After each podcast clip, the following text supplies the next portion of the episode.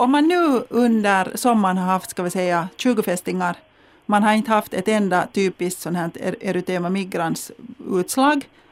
Uh, vad, vad ger du för råd? Jag menar, ska man strunta i allting och glömma det? Ska man gå och ta blodprov eller ska man ta en antibiotikakur utan blodprov? Om man känner sig helt frisk, så då glömmer man det. Okay. Det, det, är inte så stor risk att bli smittad av eh, fästingbett som man, som man skulle tro när man hör historierna om eh, borrelios. Så det behövs statistiskt sett hundratalet fästingbett innan vi har en smittad.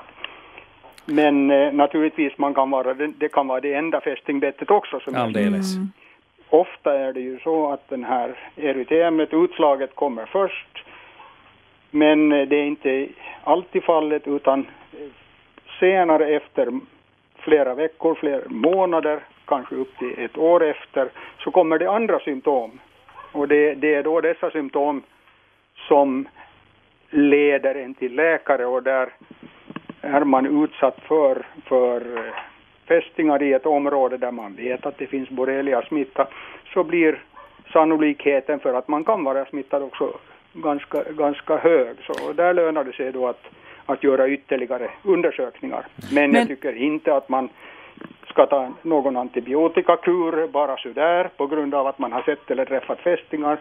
Det är inte heller någon idé att ta eh, laboratorieprov så att säga på förhand för att se vad som händer därför att är man inte sjuk så kan man ofta vara negativ i laboratorieprovet. Mm. Men vi kan säga att ungefär fyra veckor efter det att man har fått sjukdomssymptom, antingen från nervsystem, från leder eller eh, något annat på huden utom det här tidiga utslaget. Så då är det, är det all idé att, att börja tänka på provtagning. Eh, det är ju de symptomen som är liksom så diffusa och mångfacetterade att varken patienter eller läkare kanske alltid kommer på att det, det kan mm. vara borrelia. Så kan du säga nu, vilka alla symptom är sådana att vi ska liksom tänka att ah, vi borde kanske undersöka om det är borrelios? Det vanligaste det är symptom från nervsystemet. Och kommer de också relativt, i vilket de skede kommer de? De kan komma efter, efter några veckor eller månader okay. efter, festing, efter smittan. Och de kan vara vad då?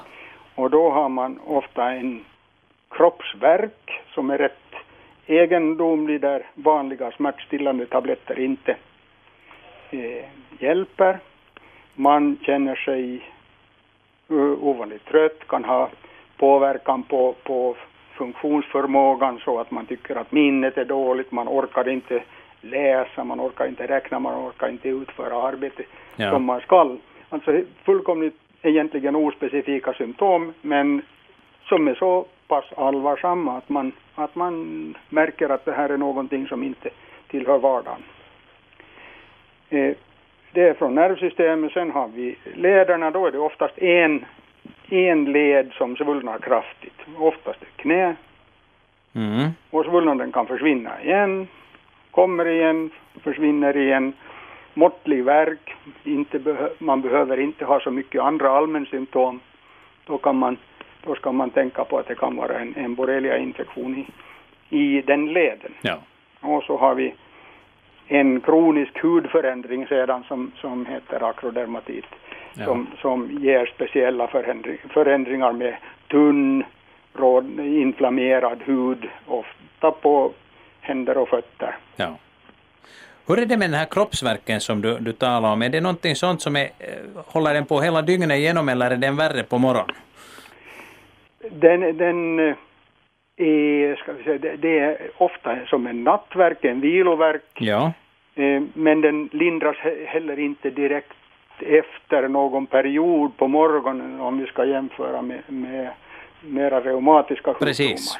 Utan, okay. utan den, den har Verken karaktäriseras också av det, det, det motsvaras inte av någon ömhet någonstans. Nej, precis. Och, och, och det är en viloverk och man har den också nattetid. Ja. Stämmer det att om man plockar bort en fästing inom ett dygn så är risken liten att den hinner spy ut mm. borrelia-bakterier? Risken är mindre, den är under, under 10 procent om du tar första dygnet eller under första dygnet och har den suttit i tre dygn så ligger man uppe mot, mot 75 procent i smittorisk